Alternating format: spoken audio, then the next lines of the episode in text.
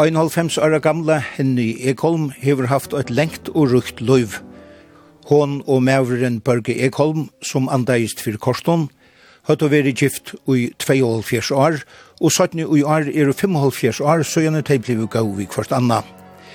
De fikk åtta bøden saman, og heva to stora familjon. Løvstarvet tja Henny blei fyrja tjallstova. Men hon fekk en ørvis i byrjan enn de fleste. Og i tveimåndsendingen færre vi at høyre om byrjanene, om Batna Arne i Sumpa, utan mammana, og til første årene da hon kom til Havnar et geng i skola, og boi under seratronken omstøvun saman vi mammane. Vi sida i heimenon i Hemmarskot og 22 og i Østerbøyen og i Havn, og lette henne i Ekholm sida fram. Jeg ble en til oppi i Øslandet, Altså, mamma min tjänar i Island och här träffar hon pappa min som är normever, och jeg får vita eller fikk jeg vita som åt att han är Hans Hansen. Och jeg fikk eisen vite att han har en mamma i norra och en syster som var lärare i Bergen. Og han har en badja som var lagt i London, gifter og har två bøten.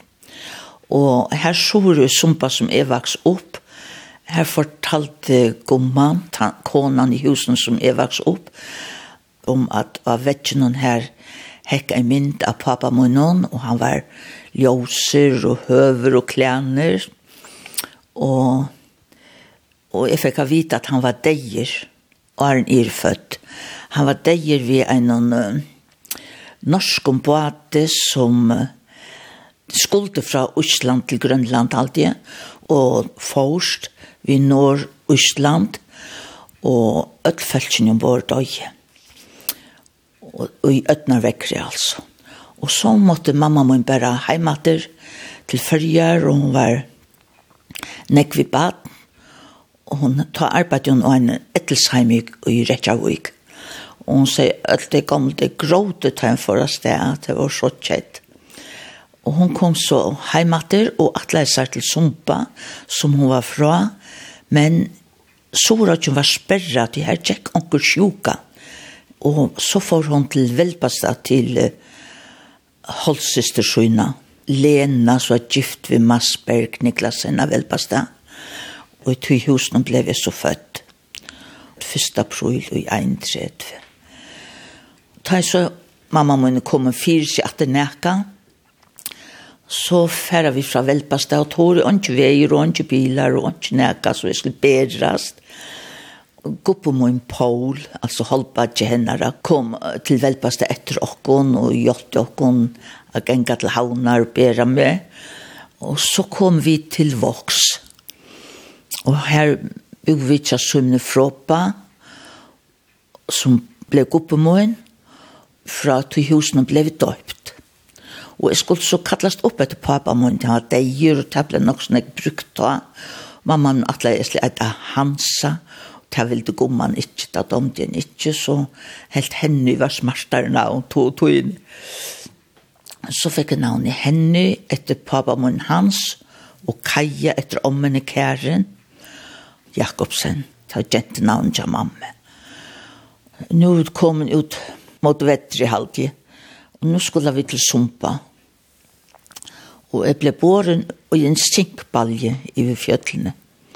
Til battlen bare nyr en sinkbalje det kjøpt av gøren og til her fiska i guppen og jeg ble så battla nyr i sinkbaljene og til båren med til sumpa. Og det kom så ildvever av det. Det ble så forferdelig dingt vever. Og Daniel Johanstove, hus ved syne av åkken, han sier at det kommer ikke livande folk til sumpjara i kvöld og allar minst et lydbad. Men jeg vet ikke, jeg kommer så fram, og vi kom til sumpa, og her vakset så opp. Her var godt å bygge, og jeg bygde under Hamre, og her var det fyra hus, og da bygde en tjej, åtta folk i kvillen hus to og togjen. Og her var deilig å bygge, nekv, gå med folk, og alla generationer bo samman i samma hus. Så kom det gå minner härifrån.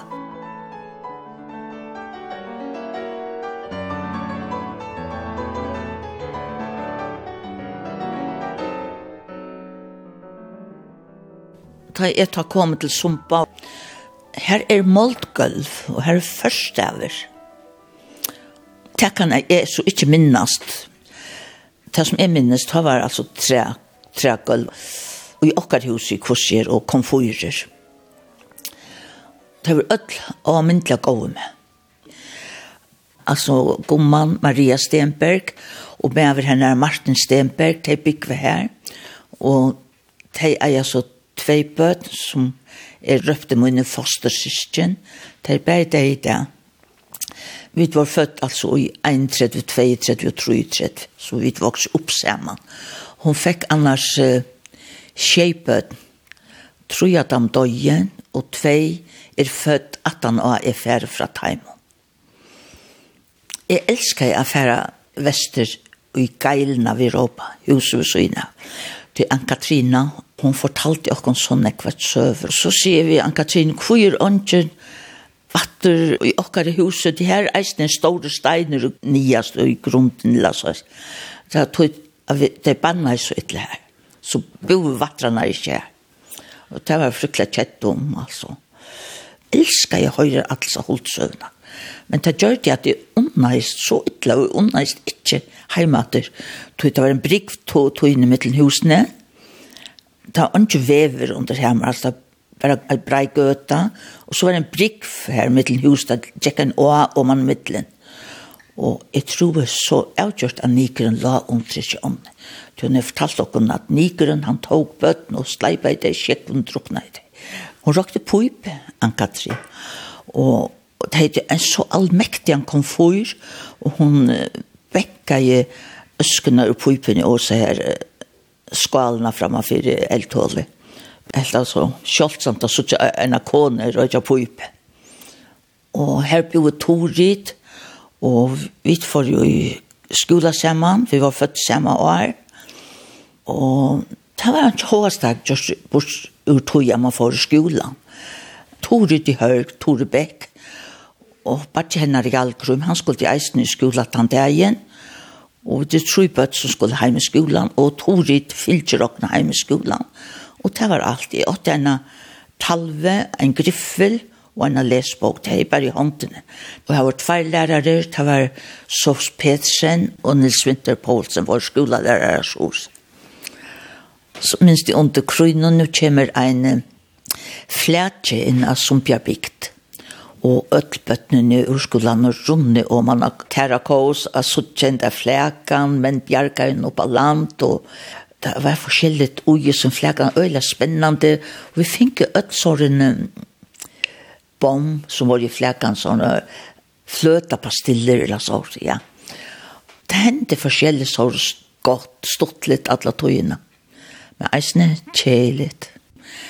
Vi stande her av og hitt ut i bygdna. Det var sort utkiksposter ta et av verna ikke hent i bygden hos den båter, kom forbi, eller skip forbi, så stittler folk seg om han har øskedunkene hittet, og hvis onker grått i kikere, så høtte de han vi. Jeg minnes da jeg vi stod av øskedunkene, og nir og kjerne, til her som bygde ned alle husene. Her er um, en jenta som heter Olga, og de er, som de to og togene røpte, troi bort sysken. Eisne, onker som var helt normal, men tror at han var i Ørvese. Og så er onker kona fra hospitalen som forteller mammene eller foreldrene til Olke at nå Olka er konfirmera, kan hun ikke bygge hjemme mer, du tar være for besværlig til henne, hun skal fære ned til Danmark og kanskje lære å klare seg, eller hva det forteller foreldrene, og mamma forteller så for Olke, at uh, ta kjem en damer haun av vitjan og hun må være lata spent i. Olga let seg i konfirmasjonskjolan og skal være så grulig av foin. Hun akkurat ble kommet mer, jeg halte hun var bare 14 år. Hun tar en her konan kjemer sover hever hun tvær politistar visar og Olga sansa leis og hon er renna av sted og renner tjøknen bygdina og just en kvita konfirmasjonskjolan og og i og mot Akraberge, helt vi strandene, her under Hamre standa vi oppi i er i Åvudi altså, men nekva koner stand her eisne, og ta råpa, ojus, nå løyper hun i hev, nå løyper hun i hev. Og ta gjør det så rævligt inntrykk, og, og så gentan øysen kvita flaksande kjolan, heilt vi etkina, og Og så runde seg politistene henne opp og leie henne i håndgjøten for å stave henne sumpa. Og slapp alt sin atter til piktene. Ånden sa nekker at de olke atter. Frukkla trist. Og foreldrene helt seg ikke at det rette fri henne? Ja, det tror det tror jeg altså. Henta konan er ubevist om foreldrene om at uh, det var det beste for jentene å komme et heim nere som kunne lære å klare seg selv. Vi tar det aldri nekka atrum olk.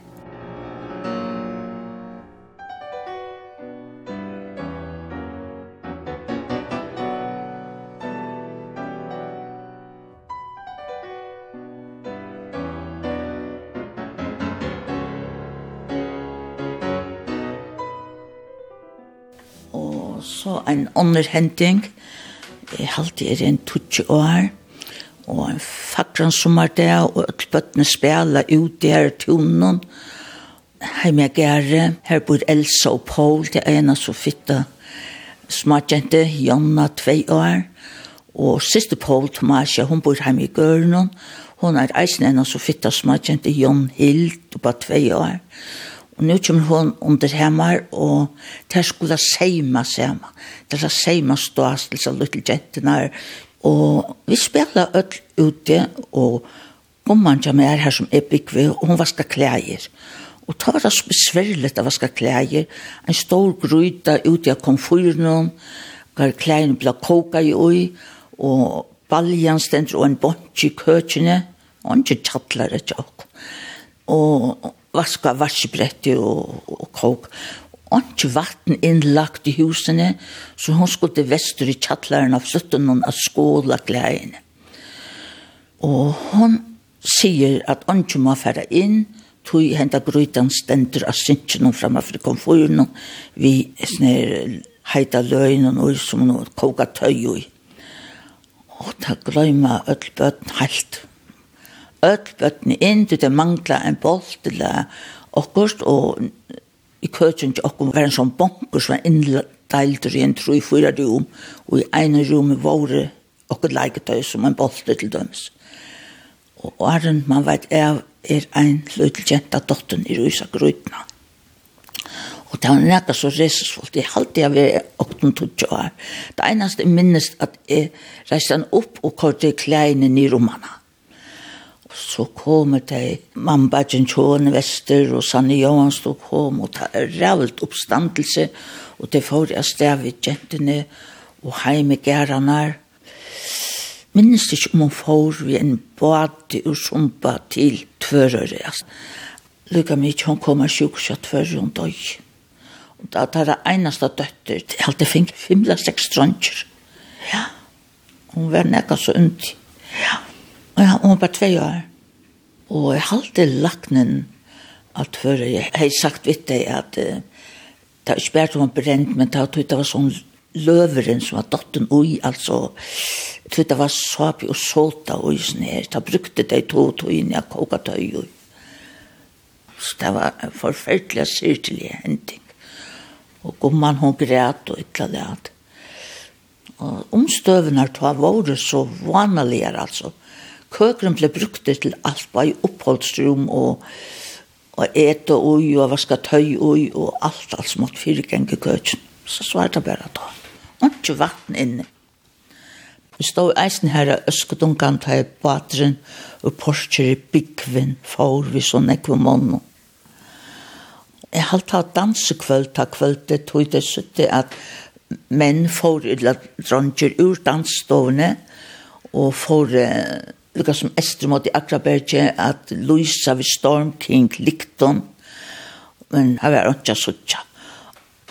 Bare ein av mannen kjenne ræk oppe sumpa, Josef Kjer på fannan i mølen, eller hva det heter, og det var Peter i Hålo. Men så ble det en sanker, og det var så rævla ringe om det her. Tog i teg Porsche, det har mist så forferdelig nekvum, dronjer og menn alla tøyna sjón.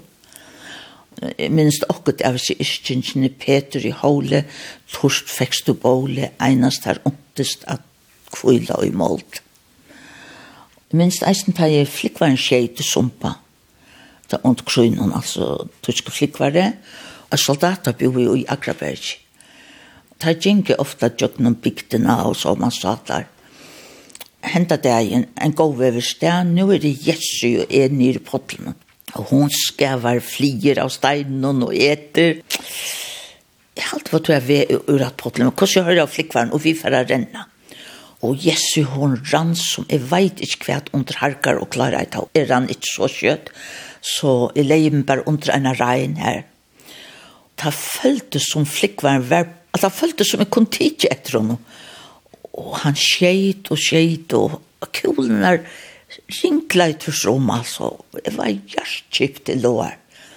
Og endelig endelig var han lukket som færen forboi og jeg rann under hemmer det er jeg og jeg var så forskrekt og at han har hørt vidt at Anna som jeg tjekk i skola vi, Anna Djurus, hon hei finnje finnje okra skea i håndtina og måtte bindas til, og at flikkvaren hei skåti etter husen og i kolkar til hever telefonstøyen alltid. Da, og kom i eldre sin tro i her. Annars heldigvis hendt ikke det store.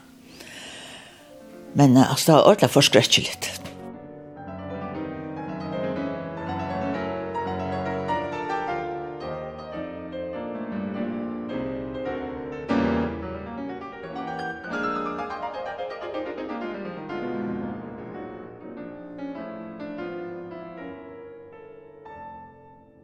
Det var ikke så nekv altså av hentleikon.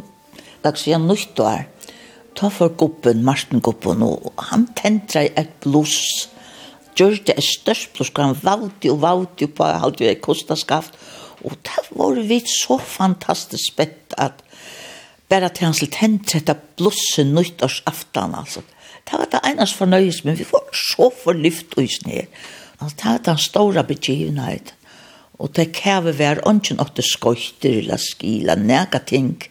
Og jeg minnes Nils Petraheim jeg gæri, han er gjør seg ski av tunnestaven. Og han får fra hemmeren i erva og alla vinn om han etter og ut av altså om han måtte husen her nere i kjerne. Og altså helt det så flott ut at han tog det så godt hos tunnestaven og skrei og torrte altså. Det var bratt alla vinn om han. Han sjåla så unger. Han kom fra Jack Nils Peter og vaks opp til mammabadjanen i Sumpa, Paul Stenberg. Sista bad til uh, hent her som er vaks opp til Martin Stenberg og, og Maria Stenberg. Og i husen her som er veks opp er omman. Omman er Karen Elisabeth Tomine Marie Sofie Jakobsen Hammer om man er bor i hesten husen og så bor guppen Paul, han er badget til Marie, og Marie er gift ved Martin, og de er jeg bøttene Helene og Erland, som er mine fostersysken. Og så er jeg de fikk det en drong som er knut, og så elskeliger og gomman, og når jeg går og stemmer jeg, synes jeg, og så kjenner firmaen, og sett at torkassan hon, og gavna sopa, og og skalen av kom fyra og synker fyrer går den noe lille Knut sagt om åter. Høyre han av firmaer og, og sånn det. Det sitter firmaer. Så er i havn, mamma min tatt det alltid i havn, ta. så er i havn i sommerferie, og nå kommer guppen til havnar etter meg Paul guppen, og Og nå forteller han, han deier i sin lutt knut, han tog jo måneder. Og hva det var så hyggelig. Så fikk hun eisen en agent som er kettu. Hun ble bare en trutja fyra måneder.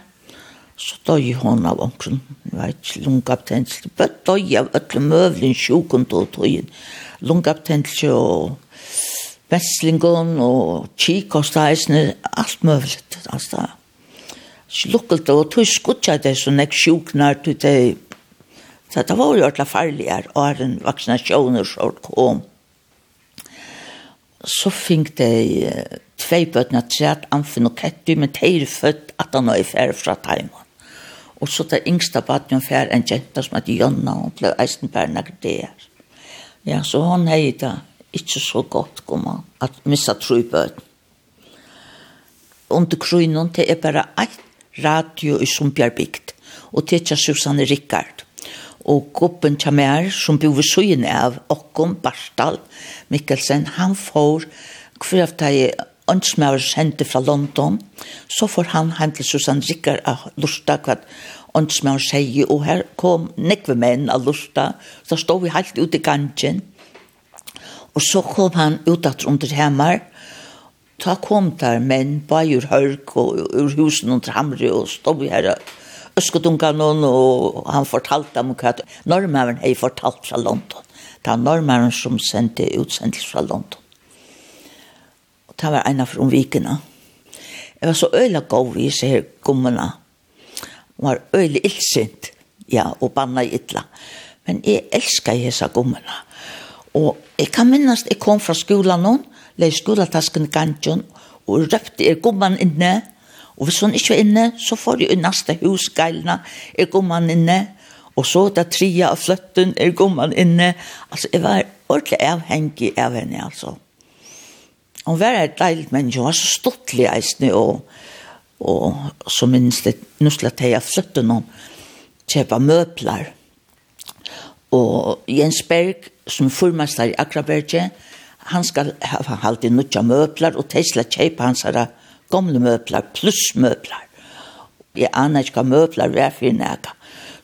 Og så minnes det til at møblerne kom under hjemme, og der ble sett inn i innaste stove av flyttene, og det var så øyelig funnet, vi slapp ikke inn ut av stovene, slapp i alle nådeste stande her ute, i køkshorn inn til stovene, at suttja inn av møblerne, og det var så gult pluss vi som frinsen i, i søgene, helt rævlig flott hod, tror jeg. Hette veri omkring i tredjene.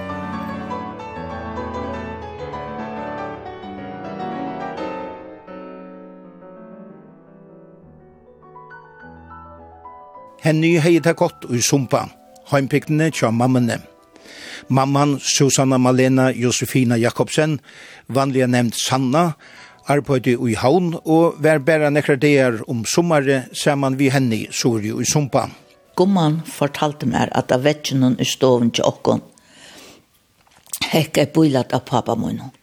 Og han var ljósartur og i hørte fortalte jeg at han var høver og slanker og domte øyla vel at dansa og så. Og mamma må var motsatt og hun dansa ikke og Det er alltid en for grøven utan nærkant til å prøva røykt, eller druttet så flatt som jeg glas av vin, eller nega sårst, altså.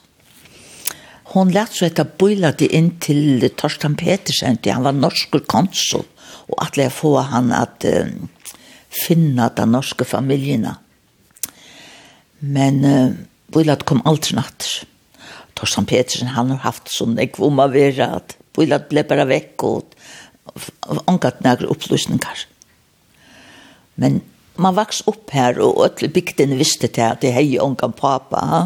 Så hvis jeg kom om man i bygdene, og spela vi unge bø, det hendte sjoldan, vi tilte okko mest under hamre, men hvis det hendte seg, da øyla jeg var fitta gentreis nere i bygden, og så spurte jeg, i sumpa her hadde öll folk eknevner. de ble kalla i pøyren og rokkeren, og og alt møvelig så nøvn, altså. Ongen ble nesten kattlet vi vidt ordentlig navn, og man visste nesten ikke hvordan det gikk. det. Så kunne bøttene si vi med, til hver papptøyen, er det pøyren, er det rockeren, og da ble vi, altså, nei, pappen min deier seg, minnes jeg alltid sier. Det var altså sinderhardt mengan, ja. Men jeg er uh, guppen Paul, han var åtgifte med over, og han var alltid fiska i kvarstår. Han var så omvendla fitter, han får vi Helene mer til hos, affæras til gommen i hovet. Her var det ofta påskon og kvitsone. Og det elskar jeg å slippe henne til turen. Og man skal gange alle veien. Så da vi kom til voks, så får han inn og jeg bækker roi. Jeg halte hver ångsten her vestra Santremisa. Misa man får nye tjokken enn trappe, og her var en bækare øyla fitter, og guppen kjøpte vinabrev, ljósare en krem og et glas av mjölk til mun.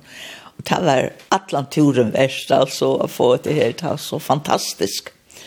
Og så, vi er tjokken voksbygd, vi skulle til halvt til hos, og her får han inn til Olivia Gøtene, en så avmyndelig fitt kona, Olivia Gøtene allt så blod och uppleva även upp det här reist. Och här fick man dräcka mån och så vågade Jögnes och Porschere och så till hus kom vi till Gommen i Hov. Och här var så dejligt att vara färast. Alltså att bara komma in här atmosfären i husen och Jeg var alt så gullrent og skuinant. Så henne kom fyr vi galendere tørs om, Han skein som gudle så vel pussar. Oppi i hittlen stod teblikk og kaffeblikk av kåpar og ta, på samme måte skein som gudle. Og mevren Peter han var alt så fytter og blodjer og gøslir. Så skær han nokkon torst gasa kjød og på brei og gomman. Nekka det beste var domte ta ta han er bæka drøyl, fynan drøyl og, og skæran og korte suran roma og, og sukerdruss og div, og du vet den det smakka i vei. Men, og, og kjelta i de har haft tyfus i hovet. Bei hon halte og onker annar hei vir ekvile sjuk av tyfus. Så hon var ordentlig forskrekt om at alt skulle være så grula rent, Ta tjingi alla jenter vi fyrkla. Alla smartjenter eller sånn skolagenta gikk i fyrkla, og vi lofta i alt, og miste bolten i ånda, torska i fyrkla, og om man sansa leis, ta tyfus i ånda, ta kunde vera tyfus i ånda, og hun var ordla bensjen om etter her. Det var heldig som klara det, nekfølt døy av tyfus. Og med siste min at Elspa, mamma kom hun i hovet, Og hon elskar a ganga i öll husen i hov. Det var bare tvei hus i hov vi ikke var familie vi. Og mammen kom jo fra hovet. Jeg heita godt, altså, som på öll var gode med og rævla fitt. Nek stortlig folk. Jeg kan minnes det, da det var skuiming, ta skulle man spæra olje alt og, og ikke tända lampnar, för det ble ordentlig mist, og Og skoimengene her så til folk og fortalte søver, og fortalte fra hendingen, og så kan minnes de unge, bare dronjer og jenter kom inn, og huset av flytte noen, og sette seg av botjen, arm i arm, og så til her og sunke i miska sanger. Og gamle, gamle sanger fra fyrtun Hjalmar og Hulta, og jeg har kanskje glemt nekker av dem, men jeg, jeg visste der atler, for fallna og så ja. Og så det her i skuimingen og arm i arm og vakka i atter fram og sunk. Det kan jeg godt minnast.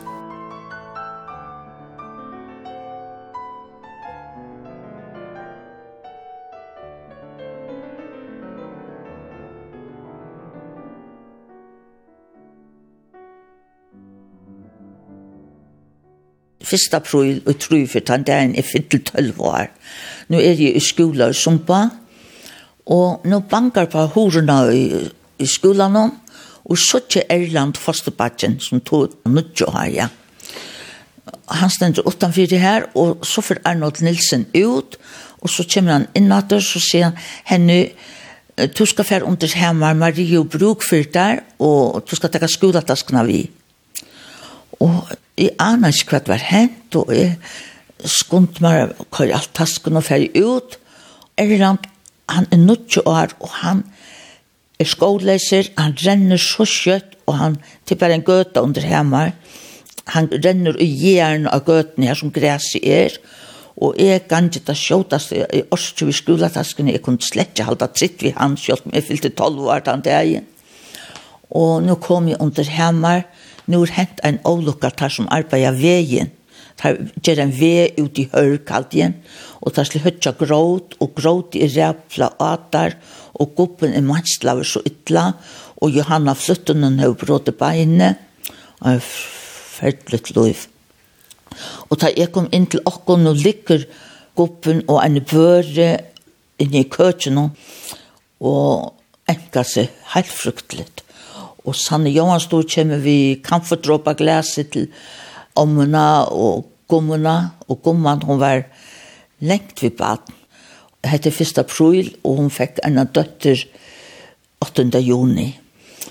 Og öll gråti og alt det her, og, og så får der berande vi uh, guppan halvdige heimegæra, det var ikke vever under hemmar, men dollen gammel stod i en lastbil, og Og henda børen ble så sett i lastbilen og halvdige uh, ta vever kom til Lopra. Og så vi båte fra Lopra til Tvører. Og det var uh, grater og uh. Ta det for å stave inn til San Johans du sier at Jesus sveit, han har lyk loik med, han kommer ikke atter og alt det der. Minnes årene og alt det der, det søtt og ja. Her lå han så langt tog, Hver jeg fer, Alma kom i telefonbåen, eller man så han kom ut et veien, ble man ordentlig bensjen, bare ikke noen ring på. Ja. Gå på en ferse så tål litt atter, og kommer sover atter, og juni måned. Og nå hever konan Sara Maria går man hun og finner seg litt kjentene kettu. Ja, så hendte det som jeg sier, hun var så øyla gov med, og jeg fikk sånne fremmedkjør retter med hvis nå nøytakodene for, for de her, der får det hvert eneste kvöld av mjölka, og der samleist koner ur gørnen og kom ut etter venen, nøyten kjinke ut i dalen, der pittar seg til å fære til nøytar. Og her minnes det særlig en kona, hun var slekt ur havnen, vi råpte henne Anna Bo, hun var øyla hø og rank, og flott kona, Hon var alltid i krita kviton, stuiva, hon og fiskla, øyla foin, alla tøyna heita stokkar.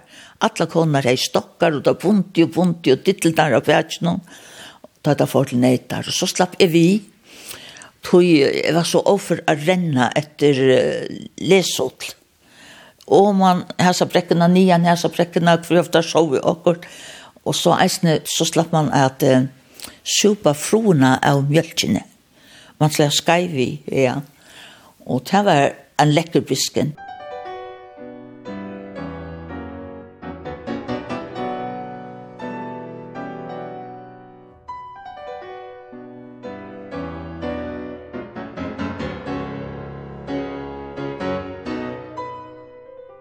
Henny minnist ekvilja vel, øyna fyrir hon fyrir til haunar, at fyrir tja mammene i fyrstan deir, mamman var arbeidskona og i husen i høvudstenen. Det var et merkelig hus å komme i. Jeg minns da jeg kom inn til jo under krynen, og ta fekst ikke alt var oppe av altså. Du skulle ta merke for å kjøpe margarin og sukker og alt mulig såpe, og hvis du ikke merker at du fikk stunga være. Nå kom jeg inn her, jeg kom nå til Ålasøke, og guppen fylgje meg til havnar, og ta første jeg suttje er gangeren fotler av åndsmanna Uniformer, uniformar, hinga knæknon og kasjetter oppi hittelene.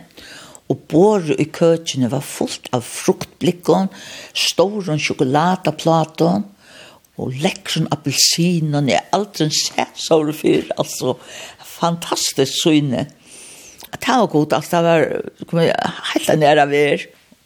Ja, det var virkelig underligt. De hørte loserende, og mamma var arbeidskån her, og de hørte trutjar døter selv. De åtte tver og ene til foster. Jeg bor en fyra mann som loserende, som arbeid i havn. Og så kommer en av loserende, nå kommer damen til hånden av Vitjan, og de ble oklar, og. Hon blekare kassa ved kleinon inn i gangen og rymer, Klamsar horna og ordla forskrekt. Men konan i husen hon kom ut og hentar alla kleinar oppatter. Gåvar heva Ola søke. Oppi loften var onka horar. Det var bara som fire heng fire atlasna. Så man holdt alt hva det tåsa i hver rom, Det hette ena døtter, hon hei være glad for en soldat, og nå var han ferdig med troppaskipen, og hun græt sånne møte, i tar og lå her, og alt hun er druttjøsene. Og så kom en annar, ja, trøstene, og altså virkelig merkverdig at oppleva. Og en annen i husen, hun hei eisne en, en smann, og de sålt i stovene, og i sofen her, og knapplega så kjemur som en vannskål nye for vinter i stovene, og som hun skjelte i morgen etter, Nå hever ein av døtrene stått bare nattpotten ut av vinteren, bare nye for stovene med en hånd, og, og, og sin kjeikren til hun, en som jeg sitter her, og hun har seg, Så det var øyelig kjeldt at røy blei av oss her. Det var trutjar døtter, at det var forlovet for vi soldaten. Og det pynta seg øyelig, hvor jeg skulle til Sjønrager huset og dansa vi som soldat. Det krulla i håret, sånne rutler under krynen, til at det røpte ljusa barakker. Det var øyelig moderne og øyelig flott, og pynta det seg, og så får det Sjønrager huset og dansa. Bæra jentene slapp inn i Sjønrager, ikke dronjer. Og det var føringene her, fjokant i ytler om, altså at her slapp vi i dans, og måtte bare stand utenfor. Så det ble ofte krampelasje av tog. Så dette var en annen høymor enn to hvert vann vi? Helt fantastisk, altså. Og ja, til Ola søkka, og, og så var jeg ytl, tog mamma min helt sammen ved en mann. Og man domte ikke mannen. Eisen tog at jeg hørst at han åtte trybøtt med en kone. Og jeg var, minnes da han kom her, og jeg var så illsint ikke rett. Mæveren i husen satt her, og bort noen var etende fotler. Men han var så øyla god med meg, så gav han meg noen penger, jeg vet ikke om det kan være en tvei kroner, det var øyla noen penger to og togene, og jeg var ivet til nonnenar av fiska, så er reikast det ivet til nonnenar, og så var alt klart så jeg har en god ålder så jeg lykker va. Altså, mæveren var utlendinger, og konan var førisk. Hun var så ekvelig blod og fitt, og kom så nekk folk inn til henne uh, fra bygden her hun var fra, og alt så skulle de renne i til henne skala og kjøpe kaker til jeg ser folkene som kom jeg vidt. Han uh, drakk ytla og fikk uh, Et slags delirium er hver jeg løte, sette han husen ned i malatting til søle, og så måtte hun atra til malatting er avløs av sølene, at det slett ikke var til salg. Og da, da helt gale tjekkan rundt ved en petroleumstunke skulle sette elda husene og bøttene til dødsene som tar våre helt ungar. Det måtte gøymas inn under senkronen og forskjellige stens. Men da han var etro var han så utrolig rasker og arbeidsamer og nekk av hilden maver og fitter. Det var et kjølsomt hus. Alls ikke kjeilt, kurser. Så minnes det en av fyrir, nå kommer gruppen vi mer til uh, Velbaste, her som er født. Og her bygger vi til Petro, som vi kallar Blujakona Velbaste. Petra Niklasen, alt hun er hatt. Og er så heldig i fag farasjukna. Og ordentlig, ordentlig hoven. Så må jeg fære atel havnar, og ikke biler, og ikke nek, og ikke veier. Men Mass, så her i husen som er født, han kjenner omkran ansmanna sjåfør, som er ved en sånn bil, jeg vet hva, så taksla, så korte. Og jeg får lov å komme at gå på en slippe hvit hjem til havnar Men da vi kom til hospital, ta meg ferdig av. Jeg vil ta så spa. Du tar ikke lov at jeg var og inn i havnene. Og jeg spør alle veien igjen etter veien, og kom endelig, endelig i sång. Og jeg bare nekket så sjuk og ble vi av spurt og spurt.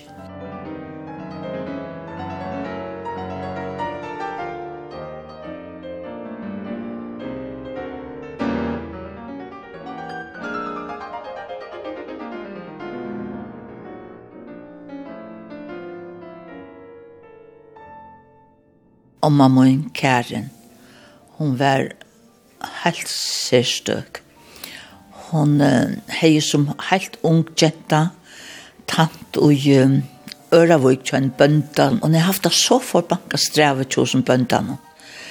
Hon skulle bæra tø og tæra og stikke lengt opp i hen og motbrekka atla vegin. Og så var så bort at hon trakka i leipen for å få meir og ui, så hun ikke skulle hava sånn ekva gonger. Og da hon hun som skulle komme a eta, hun var alltid sust som slapp fram etter sånn, og da han var livre eta, tog han tråd vekk og stett opp av bitan, slapp hun ikke eta meir. Hun var så kløn og så neierslig, og hun sier hvis rekkelig unga gære ikke engte seg vi en drøyla fjårundje, så hei hun døg i hungre. Hun domte ikke siklen, tørte ikke på at, og hvis det grint inn i tvørere fråpa, så skulle hun renna ur Øravøyk og ut til fråpjar lykka kjøtt som han silte upp på atten. Annars var det ikke lukkeligt at jeg grinten opp. Og til endan så kom bo til papenare sumpa at hvis han skulle til hevana atter og i løyve, måtte han komme etter henne, og ta var han blivit så elendig at han måtte berana og igjen leipi skiftast om at berana ur øravøyk til sumpjara. Hun var nastan deg i hungre. Og lønnen hava tant her, årslønnen var et blomstre turkla. Og jeg halte om man blev ekvilaser av hesten her øtlån, så fær hun mamme, og det er heller ikke så smart. Til hun har jo unga mann, og til sikst er at mæveren tja systrene er på appe at mammen. Og jeg spurte om min syster, jeg øyla gav vi om min syster, Elspe. Og hun bor i hovet tja døtterne, og hon kom sora ferast onkdoi, og jeg slapp å sove til henne jeg i ommersist. Og jeg minnes ei kvöld, nå skal jeg få sove, jeg er 8-9 år kanskje, og så sier jeg om sist, hver er pape av mammen? Og så sier hun Kristian, jeg sier, hvordan kan han være pape at mamma min, da han var gifte ved det her? minnest årene, altså. Jeg var ikke hjemme, sier hun. Jeg var ikke hjemme. Og så hessen medveren tja ommesister som heter Christian Mikkelsen. Han forst, han var utrådig, det var trutjemanns, og ta sjålattest atler, ta stått her at der boa systrarna vi skjeipøtnen og øskodunkan og sove på at den færre brimen og Tvær mans kom upp av kjølen, annar datt atter av at jeg halte ein redda i tvær døy, og her mittelversen er kristian.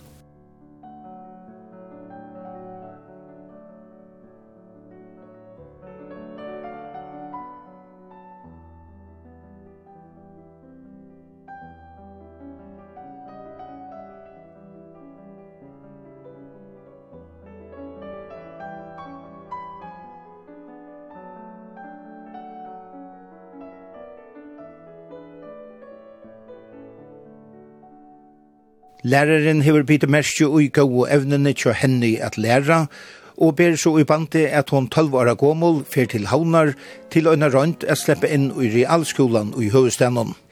Og det etnast vel. Henne slipper i realskola, men fer så rattur i sommerferiene, hon skal byrja i nødja skolan. Og men er er i havnen hent her, mai mamma. Mamma hun ta, bøyron av Hotel Djurus teipa i vinden som enda nian etter mot i oavennon, her leia hon og Amanda og i funninje enn av stove. Og her bygg vi er, saman taimon, og mian i er i her, ta seima ter boar av skrattarverstanje Elin Paul, til ut i reine, og ta seima mer en frakka, og la funna frakka, blåa frakka. Det var første frakka jeg vi åt, og Mina Wilhelm, hon hei hattabjona, hon er guppa kona mun, Tom Wilhelm var guppa guppemun.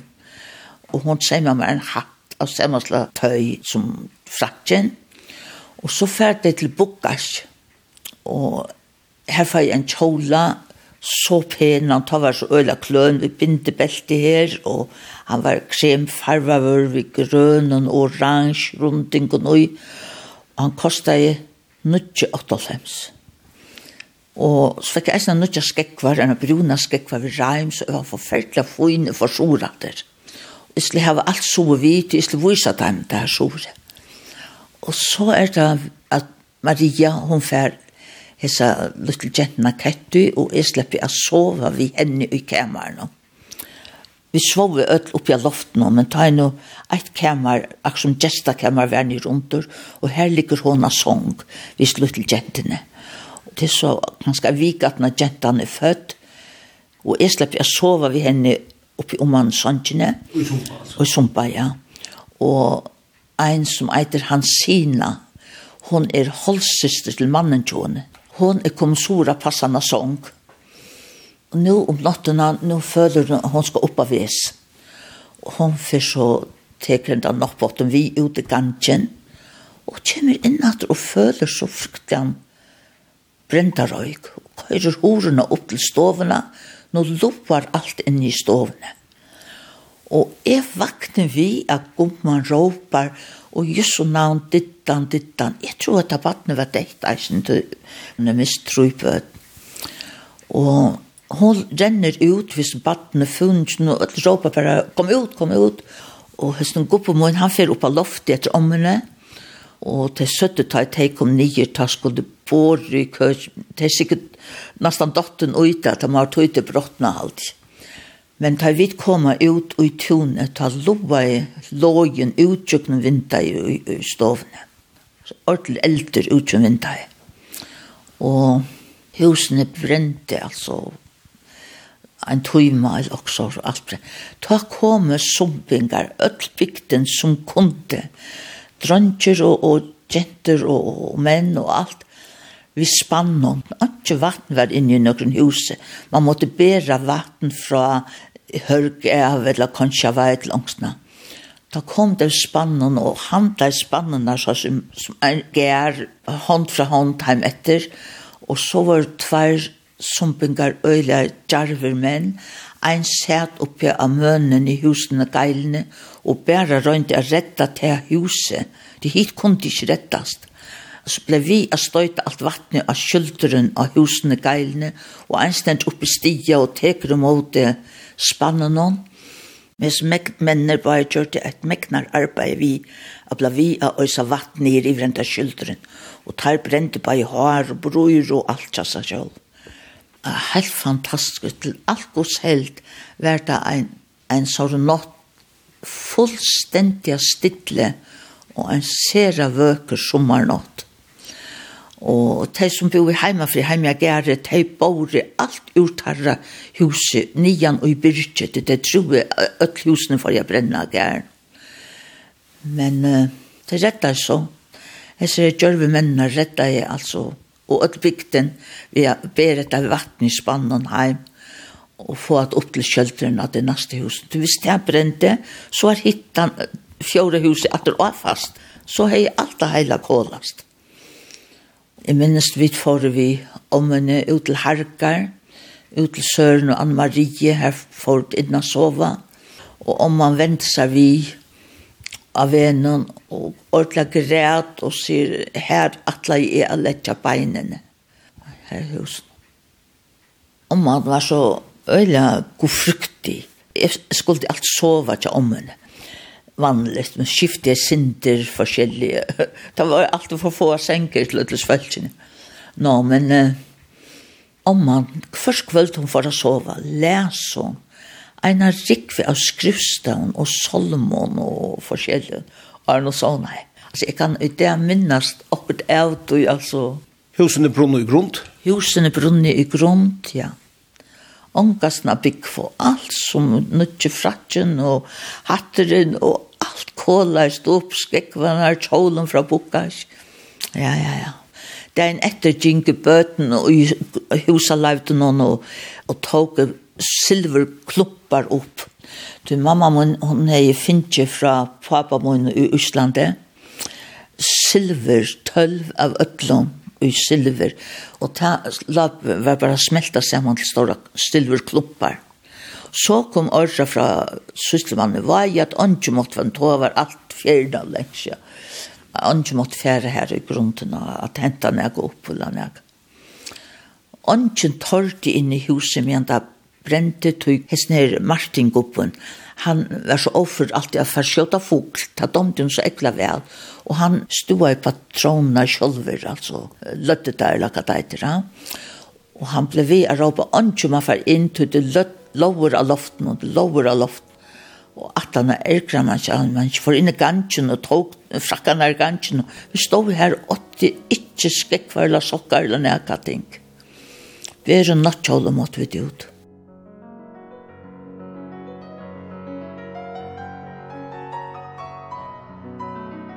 Om øyna viko færa vi at høyra hvordan det enda i vi eldsbronan i Sumpa, og ikkje minst om tøyina ta henne i Ekholm som 12 år gammel kom til havnar et gengo i skola og boe under sera trongon omstøvun saman vi mammene, imsastene i bøynon.